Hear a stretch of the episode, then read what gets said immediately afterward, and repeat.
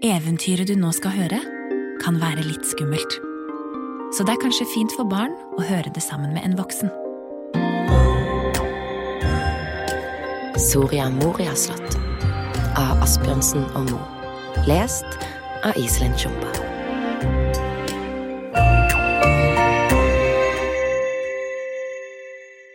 Det var en gang et par folk som hadde en sønn. Han het Halvor. Like fra han var smågutt, ville han aldri ta seg til noen ting, men satt bare og rakte i aska. Foreldrene satte han bort i mange slags lære, men Halvor stansa ikke noen steder, for når han hadde vært borte i et par dager, så rømte han av læren, løp hjem og satte seg i grua til å grave i aska igjen. Men så kom det en gang en skipper og spurte Halvor om han ikke hadde lyst til å bli med han og fare til sjøs og se fremmedland. Jo, det hadde Halvor lyst til, og da var han ikke lenger uferdig. Hvor lenge de seilte, har jeg ikke hørt, men langt om lenge kom det en sterk storm, og da den var over og det blei stilt igjen, visste de ikke hvor de var. De hadde drevet opp mot en fremmed kyst som ingen av de var kjent på. Da det var så stilt at det ikke rørte seg i fjær, ble de liggende der, og Halvor ba skipperen om han fikk lov til å gå i land og se seg om, for han ville heller gå enn å ligge og sove.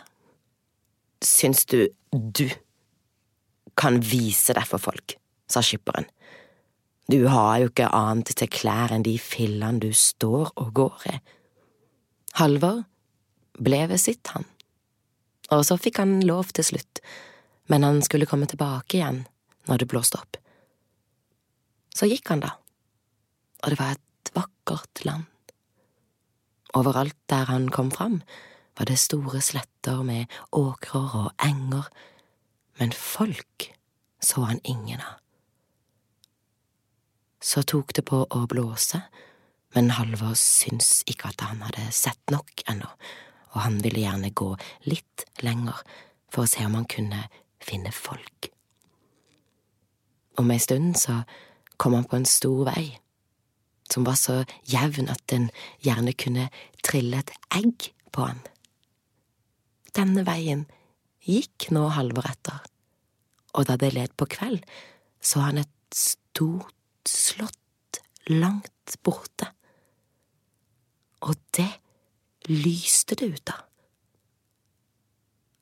Han hadde gått hele dagen, og ikke hatt noe videre til niste med seg heller, og ja, han var dyktig sulten, men dess nærmere han kom til slottet, dess reddere ble han også. I slottet brente det på varmen, og Halvor gikk inn på kjøkkenet, som var så gildt at han aldri hadde sett et så gildt kjøkken før. Det var kar både av gull og sølv, men folk var det ingen av. Da Halvor hadde stått der ei stund og ingen kom, gikk han bort og lukka på ei dør. Der inne satt ei prinsesse og spant på en rokk. Nei, nei da, ropte hun. Tør det komme kristne folk hit? Men det er nok best at du går igjen, dersom ikke trollet skulle sluke deg, for her bor et troll med tre hoder. Jeg er like glad om han hadde fire òg så skulle jeg ha lyst til å se den karen, sa Halvor. Og jeg går ikke, jeg har ikke gjort noe vondt, men mat får du gi meg, for jeg er så fælt sulten. Da Halvor hadde spist seg mett, sa prinsessa til han at han fikk prøve om han kunne svinge sverdet som hang på veggen. Nei, han kunne ikke svinge det. Han kunne ikke engang løfte det. Ja, sa prinsessa. Så får du ta den slurk av den flaska som henger på veggen ved siden av, for det gjør trollet når han skal ut og bruke sverdet. Halvor tok en slurk, og straks kunne han svinge sverdet som ingenting. Nå mente han at trollet bare kunne komme. Rett som det var, så kom trollet susans, og Halvor bakom døra. Hyttetu, her lukter så kristenmannsblod, sa trollet, og satte hodet inn gjennom døra. Ja, det skal du bli var, sa Halvor, og hugga alle hodene av trollet. Prinsessa ble så glad fordi hun var frelst, at hun både dansa og sang, men så kom hun til å tenke på søstrene sine, og så sa hun, Gi nå søstrene mine også var frelst. Hvor er de henne? spurte Halvor. Ja, så fortalte hun det. Den ene var inntatt av et troll på et slott som var seks mil borte, og den andre var inntatt på et slott som var ni mil bortenfor der igjen og neste morgen la han av sted i grålysinga. Han hadde ingen ro på seg. Han gikk og han sprang hele veien. Da han fikk se slottet, så blei han litt redd igjen. Det var mye gildere enn det andre, men her var det heller ikke et menneske å se. Så gikk Halvor inn på kjøkkenet, og han stansa ikke der heller, men gikk like inn. Nei, tør det komme kristne folk hit, da? ropte prinsessa. Jeg, jeg, vet ikke hvor lenge det er siden jeg kom hit, men i all den tid har jeg ikke sett et kristent menneske. Det er nok best at du ser å komme deg av sted igjen, for her bor et troll som har seks hoder. Nei, jeg går ikke, sa Halvor, om han så skulle ha sex til. Han tar og sluker det levende, sa prinsessa. Men det hjalp ikke. Halvor ville ikke gå. Han var ikke redd for trollet, men mat og drikke ville han ha, for han var sulten etter reisen. Ja, han fikk så mye han ville ha, men så ville prinsessa ha han til å gå igjen. Nei, sa Halvor, jeg går ikke, for jeg har ikke gjort noe vondt, og jeg har ikke noe å være redd for. Han, han spør ikke etter det, sa prinsessa for han tar deg uten både lov og rett, men siden du ikke vil gå, så, så prøv om du kan svinge det sverdet som trollet bruker i krigen. Han kunne ikke svinge sverdet, men så sa prinsessa at eh, han skulle ta seg en slurk av flaska som hang ved siden av, og da han hadde gjort det, så kunne han svinge sverdet. Rett som det var, så kom trollet. Det var så stort og digert at det måtte gå på sida for å komme inn gjennom døra. Da trollet fikk det første hodet inn, så ropte det Ute du, her lukter kristenmanns blod. Med det samme så hugga Halvor av det første hodet, og så alle de andre. Prinsessa blei så glad at hun ikke visste hva bein hun skulle stå på men så kom hun til å tenke på søstrene sine, og så ønska hun at de også var frelst. Halvor mente det, det kunne det nok bli råd til, og ville av sted straks. Det var langt til slottet, og han både gikk og sprang for å komme fram i tide. I kveldinga fikk han se slottet, og det var mye gildere enn de andre to. Nå var han nesten ikke det grann redd men gikk gjennom kjøkkenet og like inn. Der satt ei prinsesse som var så vakker at det ikke var måte på. Hun sa nå likeens som de andre at det ikke hadde vært kristne folk her siden hun kom dit og ba han om å gå, for ellers slukte trollet han levende. Det hadde ni hoder, sa hun. Ja, om det har ni til de ni og enda ni til, så går ikke jeg sa Halvor, og ga seg til å stå ved ovnen. Prinsessa ba han så vakkert om at han skulle gå, men Halvor ble ved sitt, og sa La han komme, når han vil. Så ga han trollsverdet, og ba han om å ta en slurk av flaska så han kunne klare å svinge det. Rett som det var, kom trollet, så det suste av det og det var enda større og digrere enn begge de to andre, og det måtte også gå på sida for å komme seg inn gjennom døra. Hørte du?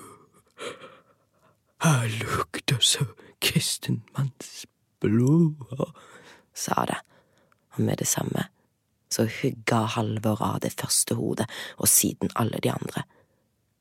Nå kom da alle prinsessene sammen på slottet, og de var så glade som de aldri hadde vært i sin tid, og de var glad i Halvor og han i de, og han kunne få den han likte best, men den yngste var mest glad i han av alle de tre.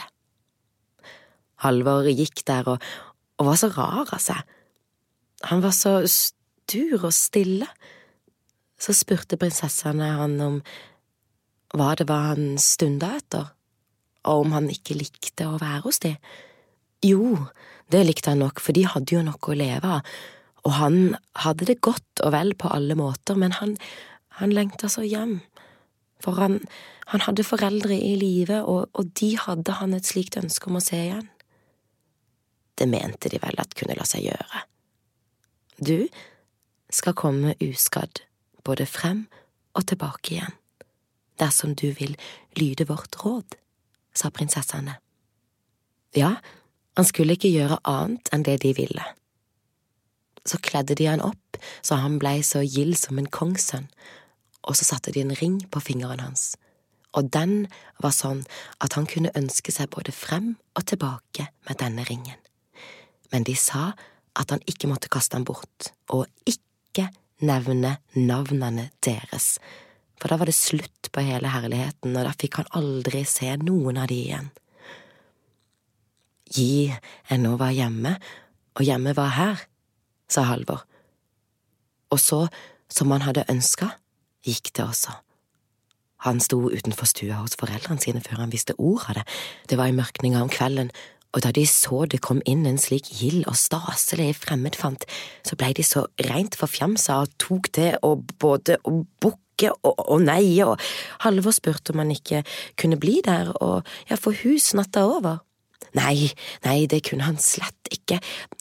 Vi har det ikke slik, sa de, vi har verken det ene eller det andre som en sånn herre kan være tjent med, men det er best han kan gå opp på gården. Det er ikke lange stykket, han kan se skorsteinspipa herfra. Der har de fulgt opp av allting, ja. Halvor var ikke mye for det.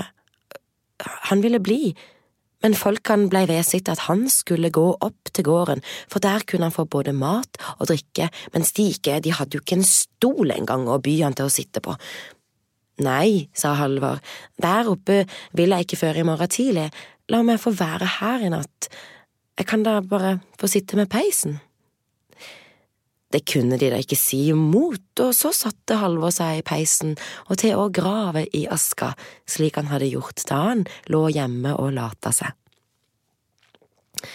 De snakka om mangt og meget, og fortalte Halvor både om det ene og det andre, og så spurte han om de aldri hadde hatt noe barn. Jo, de hadde hatt en gutt som het Halvor, men de visste ikke hvor han hadde vandra, og ikke visste de om han var død eller levende heller. Kunne det ikke være med, da? sa Halvor. Nei, det vet jeg visst, sa kjerringa og letta på seg. Han Halvor han var så lat og doven at han aldri gjorde noen verdens ting, og så var han så fillete at den ene filla slo den andre i svime på han, og ja, det kunne aldri blitt slik kar av han, sånn kar som du er. Ja. Om litt skulle kjerringa bort til peisen og rake i varmen, og da gloskinnet lyste på Halvor, slik som da han var hjemme og kara i aska, så kjente kjerringa han igjen. Ja, men er det du da, Halvor? sa hun, og det blei slik glede på de gamle foreldrene at ikke det var måte på, og han måtte nå fortelle hvordan alt hadde gått til, og, og kjerringa blei så glad at hun ville han opp på gården straks på timen for å vise han fram til jentene, som alltid hadde vært så stolte på det. Hun gikk da føre og Halvor etter. Da hun kom opp dit, fortalte hun at han Halvor hadde kommet hjem igjen, og nå skulle de bare se hvor gild han var. Han så ut som en prins, sa hun. Det vet jeg visst, sa jentene og slo på nakken. Han er vel den samme fillefanten som han alltid har vært. I det samme kom Halvor inn, og så ble jentene så forfjamsa at de glemte igjen nattkjolen i peisen der de satt og loppa seg og fløy ut i bare stakken. Da de så kom inn igjen, var de så skamfulle at de nesten ikke torde se på han Halvor, som de alltid hadde vært så store og stolte imot før. Ja, de har nå alltid syntes de var så fine og vakre, de, at ingen kunne være lik deres, men de skulle bare se den eldste prinsessa som er frelst, sa Halvor. Mot henne ser de ut som gjeterjenter, og den mellomste er enda vakrere, men den yngste, som er kjæresten min, er vakrere enn både sol og måne. Gi de bare var her, så skulle de se, sa Halvor. Han hadde ikke sagt det før de sto der.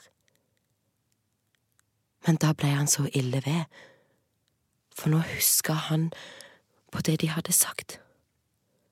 På gården ble det både holdt gjestebud for prinsessene og gjort stas på de, men de ville ikke bli der. Vi vil ned til foreldrene dine, sa de til Halvor, og så vil vi ut og se oss om.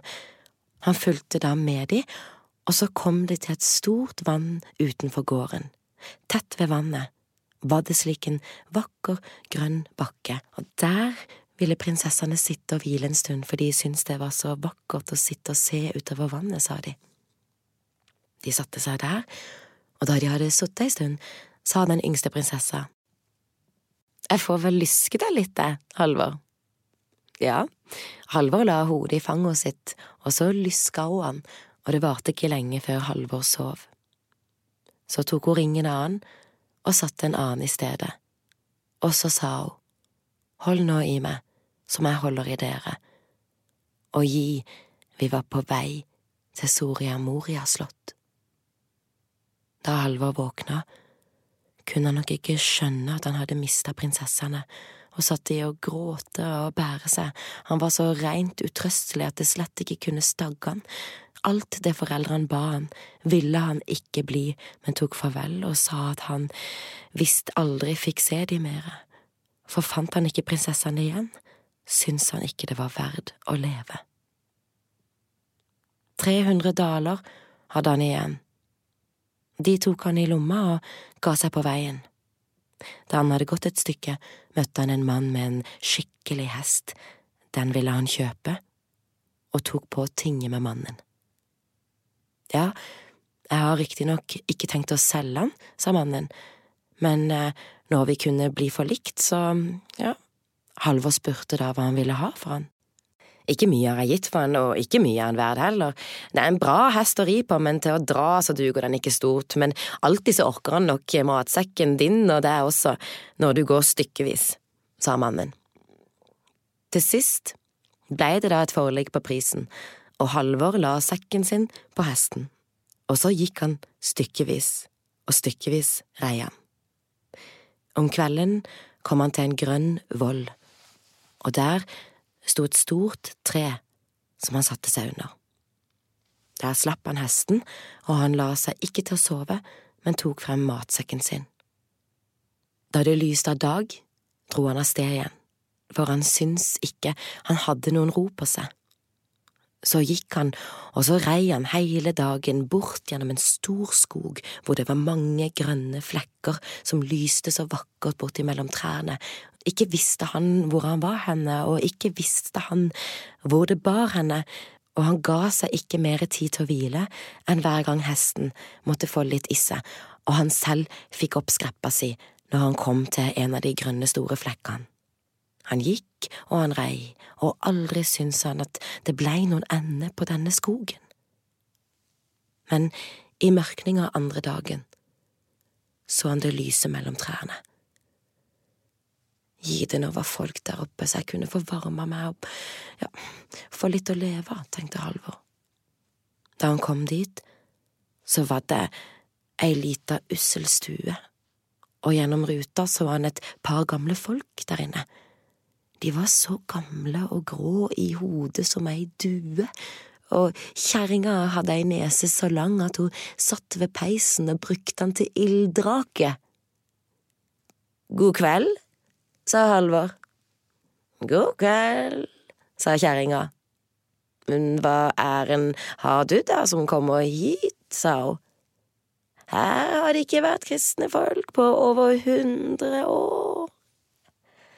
Ja, Halvor fortalte da at han, han skulle til Soria Moria slott og spurte om hun kjente veien dit. Nei, sa kjerringa, men straks kommer månen, så skal jeg spørre han, og han veit det nok, han må vel se det, for han skinner på allting.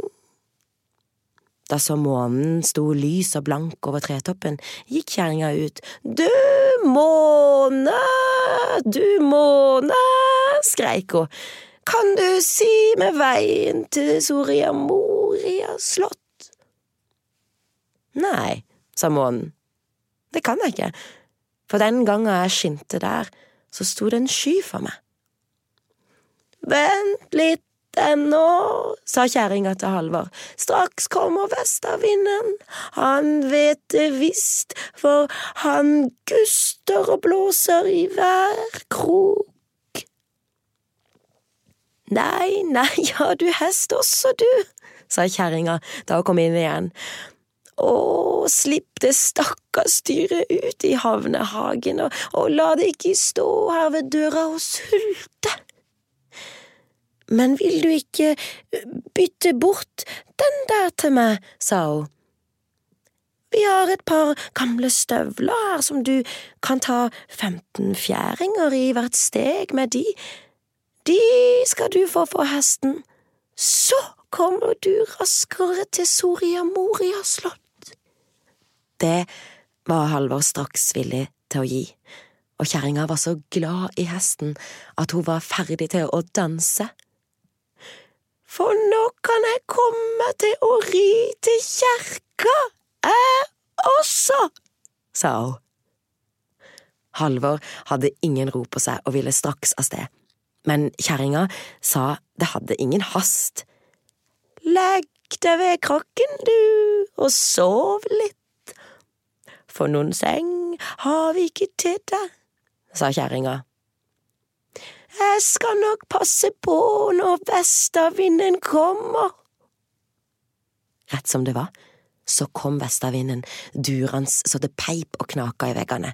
Kjerringa ut. Du vestavind, du vestavind, kan du si meg veien til Soria Moria slott?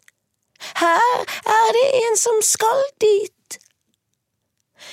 Ja, den, den vet jeg vel, sa vestavinden, nå skal jeg faktisk dit og tørke klær til et bryllup som skal stå. Er han rask til bens, han som skal være med? Halvor ut. Du får skynde deg hvis du skal ha følge, sa vestavinden, og av sted bar det langt bortover heier og åser og fjell og fjære, og Halvor hadde nok med å holde følge. Ja, nå har jeg ikke tid til å være med deg lenger, sa vestavinden for jeg skal bort og rive ned et stykke med granskog først, før jeg kommer til Bleikvollen og tørker klærne. Men når du går langs med åskanten, så kommer du til noen jenter som står og vasker klær, og da har du ikke langt igjen til Soria Moria slott. En stund etter kom Halvor til jentene som sto og vaska og de spurte om han ikke hadde sett noe til vestavinden. Han skulle jo komme dit og tørke klærne til bryllupet. Ja, sa Halvor, han er borte og bryter ned et stykke med granskog, det varer ikke lenge før han kommer hit. Og så spurte han de om veien til Soria Moria slott. De satte han på veien, og da han kom frem mot slottet, var det så fullt av hester og folk at det yrte. Men Halvor var så fillete og i stykker revet fordi han hadde fulgt vestavinden både gjennom busker og kjerr at han holdt seg avsides og ville ikke gå frem før siste dagen da de skulle ete middag. Da de nå, som skikk og bruk var, skulle drikke bruden av jentelaget, og skjenkeren skulle drikke de alle sammen, både brud og brudgom og riddere og svenner, så kom han da langt om lenge til han Halvor også. Han drakk skålen, slapp ringen som prinsessa hadde satt på fingeren hans da han lå ved vannet oppe i glasset, og ba skjenkeren å hilse bruden og bære den fram til henne. Da sto prinsessa opp fra bordet med en gang. Hvem har vel best fortjent å få en av oss, sa hun. Enten den som har frelst oss, eller den som sitter brudgom. Det kunne det ikke være mer enn én mening om, mente alle, og da Halvor hørte det, var han ikke lenge om å få fantefillene av seg og pynte seg om til brudgom. Ja, der er den rette, ropte den yngste prinsessa da hun fikk se han. Og så skjøt hun den andre for glugg og holdt bryllup med Halvor.